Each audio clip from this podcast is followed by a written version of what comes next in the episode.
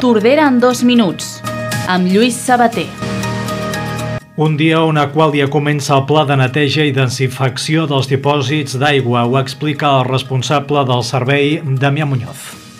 El que s'aconsegueix amb aquesta actuació és assegurar la salubritat de l'aigua, o sigui que distribuïm una aigua en plenes condicions de seguretat pel consum humà.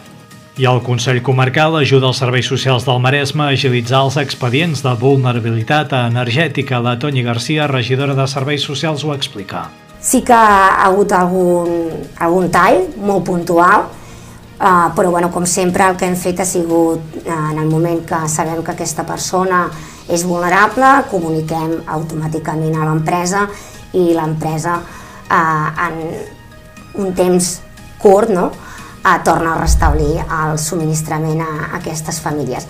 I l'atenció primària de Tordera incorpora una professional dietista nutricionista per promoure l'alimentació saludable. Tot forma part d'un projecte, tal com explica el director del CAP, Leonardo Heredia.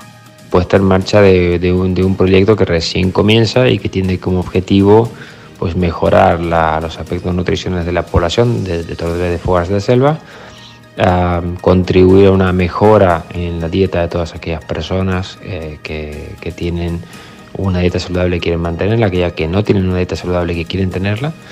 I l'espai de salut que formen el CAP Tordera i la regidoria de salut de l'Ajuntament organitzen aquesta tarda una xerrada taller sobre consells davant el refredat i la grip a càrrec de l'infermera de l'EAP Tordera, Anna Pujol. Serà a partir de les 6 de la tarda a la biblioteca.